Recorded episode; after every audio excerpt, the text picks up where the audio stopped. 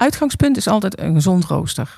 En ik kan niet zeggen dat we altijd kunnen voorkomen hè, dat, dat er nooit een gebroken dienst is. Maar we gaan uit van gezonde roosters. En dat, zijn geen gebroken diensten. En uh, de mensen met een kleine contract, iedereen draait ook wel eens een korte dienst. Dat sowieso.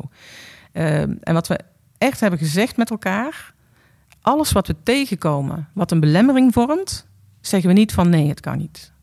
Dan gaan we kijken hoe kan het wel. Welkom bij Zorg en Zo. Zorg en Zo. Zorg en Zo. De podcast. podcast. Voor en door zorgmedewerkers.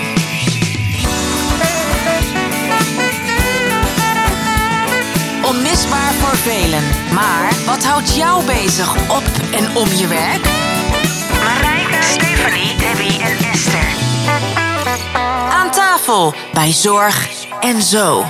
Welkom aan tafel bij de vierde aflevering van Zorg en Zo, de podcast voor en door medewerkers in de zorg. En dit keer is het een speciale aflevering, want we voeren een vervolggesprek over flexibiliteit en roosteren. En dit keer vanuit werkgeversperspectief. Want hoe stel je je als werkgever eigenlijk flexibel op en wat levert dat op? In de vorige aflevering waarin ik sprak met Debbie, Esther en Stephanie over flexibiliteit was Ilse Ausems van T-Bezorg bij ons aangesloten.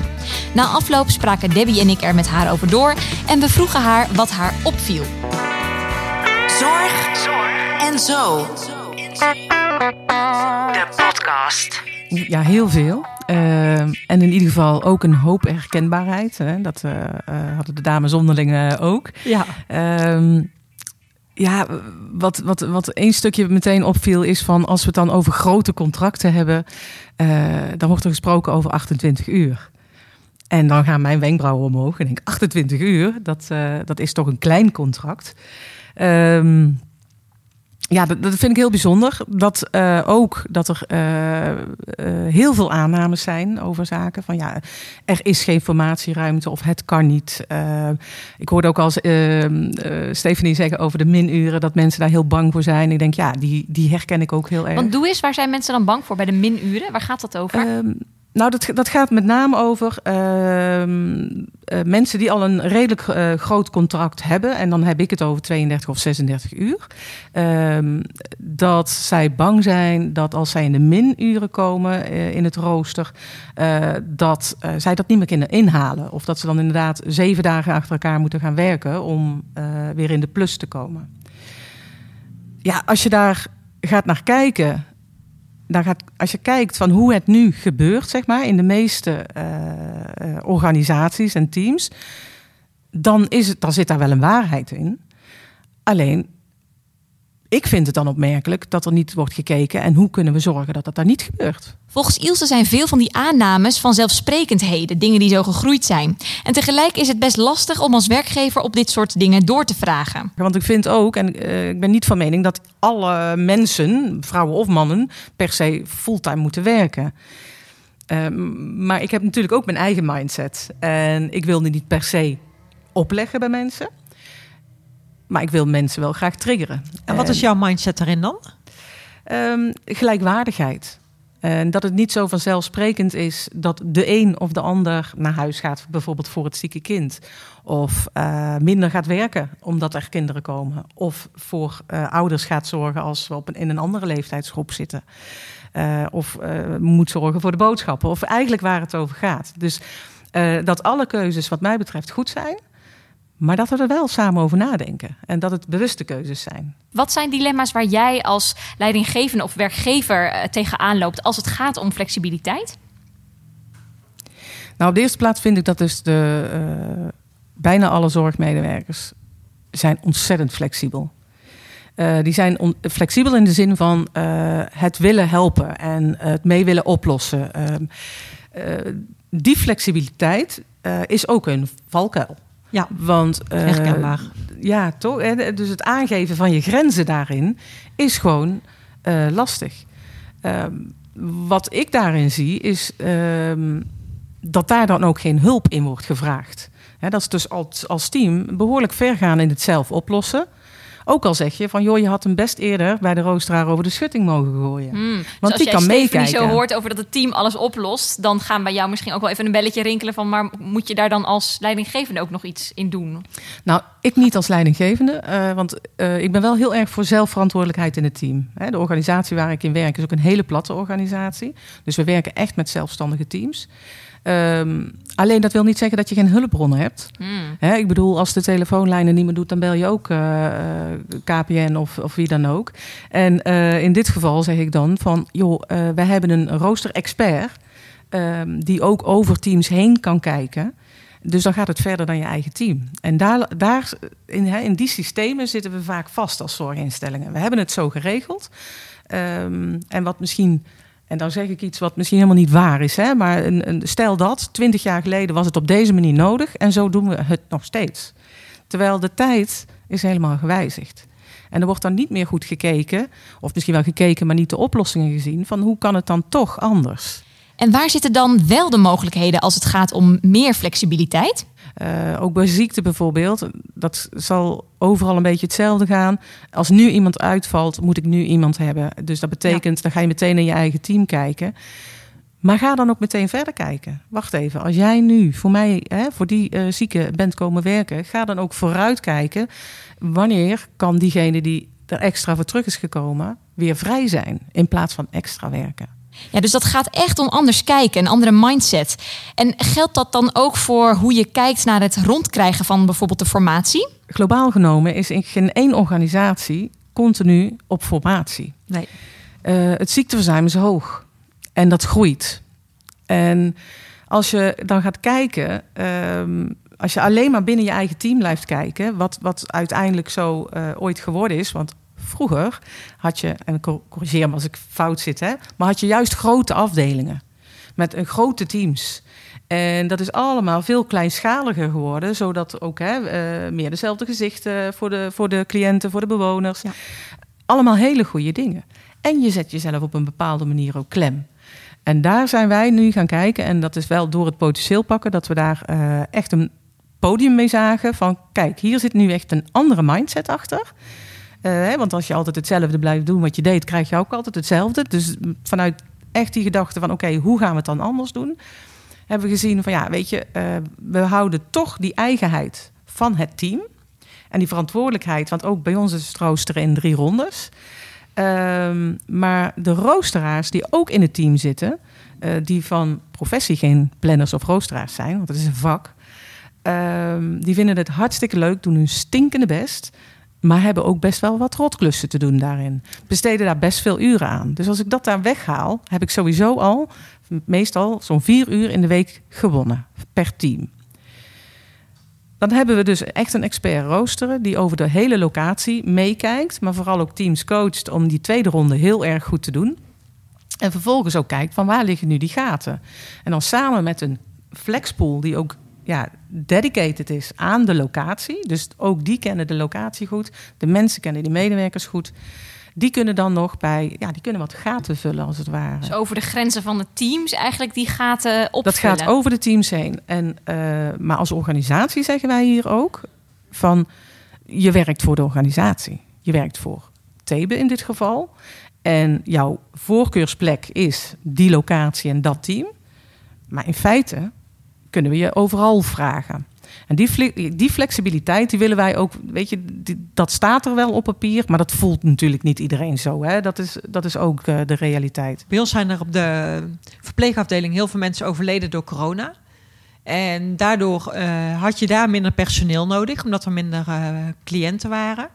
En omdat wij heel veel open gaten hadden, zijn die collega's bij ons in gaan vallen.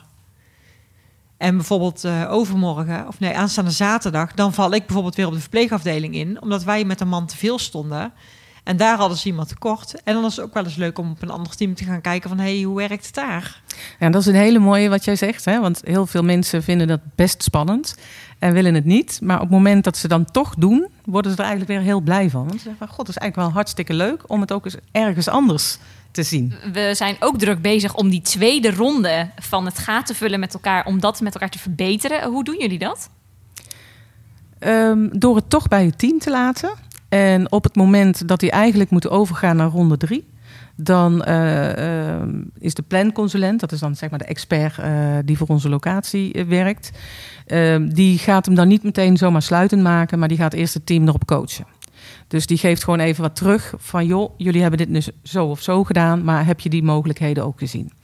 Dus wat wij ook doen is met ehm, medewerkers die eh, of gewoon geïnteresseerd zijn in een beter rooster, maar nog niet meer uren willen werken, of mensen die minder uren willen werken, dus eigenlijk iedereen, of mensen die meer willen werken, ehm, hebben wij de zogenaamde matching sessie. En dan gaan we met die planconsulent, eh, de coördinerend verpleegkundige, ehm, MNO-adviseur, dus eh mensen en ontwikkeling, ehm, ikzelf. En die personen gaan we aan tafel zitten, een groot scherm waarop het rooster geopend worden, wordt. Eh, dan roepen we van oké, wat zijn je wensen? Eh, niet alleen qua uren, maar ook qua invulling. Want wat voor de ene goed rooster is, wat je ook al aangaf, kan voor de ander juist Ja. een, eh, een verschrikking zijn. En we gaan dat letterlijk matchen. Met elkaar achter het scherm. Letterlijk kijken naar de mogelijkheden. Podcast. Debbie, jij hebt zelf ook een eh, bijzondere ervaring met matching. Vertel eens. Ehm, jaren geleden, toen eh, zat ik zelf ook met lichamelijke klachten. Waardoor er eigenlijk tegen mij gezegd is door de bedrijfsarts dat ik beter de zorg uit eh, kon gaan. Omdat het gewoon lichamelijk te zwaar is. En, eh, maar ja, ik hou van het vak en hier ligt mijn hart. En toen hebben de bedrijfsarts eh, en mijn manager samen met mij rond de tafel gezeten. En eh, toen hebben we de afspraak kunnen maken dat ik alleen, eh, omdat ik 24 uur dan zou gaan werken, dan had ik afgesproken, ik lever dan een dag in, want ik werkte 32 uur. Ehm, konden hun met mij afspreken dat ik dan alleen hele diensten zou draaien, zodat ik maar drie keer in de week ho- hoefde te werken, waardoor ik tussendoor voldoende rust had. En daardoor kan ik het werk wel volhouden. En kan ik eh, het werk doen waar mijn hart ligt. Ja.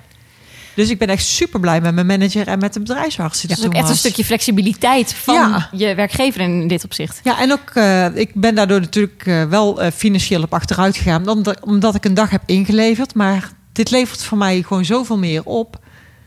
Dat ik nu gewoon eh, jaren later nog steeds mijn werk uitvoer met heel veel plezier en met heel veel liefde. Mooi voorbeeld. Hey, en Ilse, wat maakt zo'n matching sessie eh, wat jou betreft belangrijk? Voor mij is het heel belangrijk dat ik hoor en zie wat gebeurt er nou en wat gaat er nou in het hoofd om van, eh, van Welke de collega's. afwegingen worden gemaakt? Welke Ja. afwegingen. Ja, ja. En ook, wat kan ik meteen uit de lucht halen als aanname die niet klopt? En wat is een veelgehoorde aanname die je vaak uit de lucht moet halen? Als ik meer ga werken, krijg ik een rotrooster.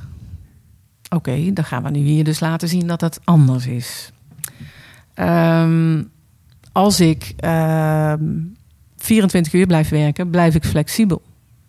En da- daarmee denk ik goed aan mezelf. Hmm, En dat is niet zo. Dat lijkt zo. Maar wat je in de praktijk ziet gebeuren, is eh, dat je op je roosteruren wordt ingepland. En dat er, dat is ook zoiets wat ik, wat ik zie gebeuren in, eh, in, deze hele sector, dat er eh, schaars gepland wordt. Hè? Dus, dus dat er niet lekker overvloedig gepland wordt, eh, maar ehm, ook uit angst voor die minuren. Dus, dus dat wordt krapjes allemaal ingepland. En op het moment, dan ben je dus eigenlijk heel kwetsbaar als team. Dan hoeft er maar iets te gebeuren. En iedereen wordt weer gebeld. Eh, Kan jij dit, kan jij zus, kan je zo? Dus eigenlijk wat je daarin ziet, is dat het die onvoorspelbaarheid. Dus op het moment dat je, eh, dat je alles eens gewoon op gaat rekken... en niet die zeven uursdiensten, want het moet hè, allemaal zo, zo in schaarste gepland worden... maak er nou eens gewoon acht uursdiensten van. Dan kunnen mensen ook gewoon met minder opkomsten hun contracturen maken. Ehm, maar ook als je kijkt ehm, naar de aanname eh, van het ongezonde rooster, eh, dan moet ik eh, een gebroken dienst draaien. En als ik dat moet, dan loopt een ander. Als ik het niet doe, dan loopt die ander het risico dat te hebben. Terwijl als je ziet, als we het gewoon aan het doen zijn met elkaar, dan blijkt dat, blijken dat allemaal aannames te zijn. En ook gewoon van het kan niet. Ik zou wel meer willen werken, maar dat kan vast niet. En daar laat ik het bij. En dan laat ik het bij. En als dan de vraag is van wie, wie zegt dat het niet kan dan? Eh, nou, dus dat is bij mij niet zeggen dat de manager dat zegt. maar eh, dan is dat het team zelf. En dan zegt het team inderdaad van ja, maar dit is de formatie eh, die we mogen hebben. En ehm, nou ja, daar kan nog maar precies 24 uur in. Maar dan rekenen ze sowieso al heel netto, netto, Ja. naar roosteruren. Maar je hebt ook vakantie en verzuim. Dus je mag daar echt wel wat vetter in gaan zitten. En ik zeg dan ook van ja, ga nou eens niet vanuit die schaarste.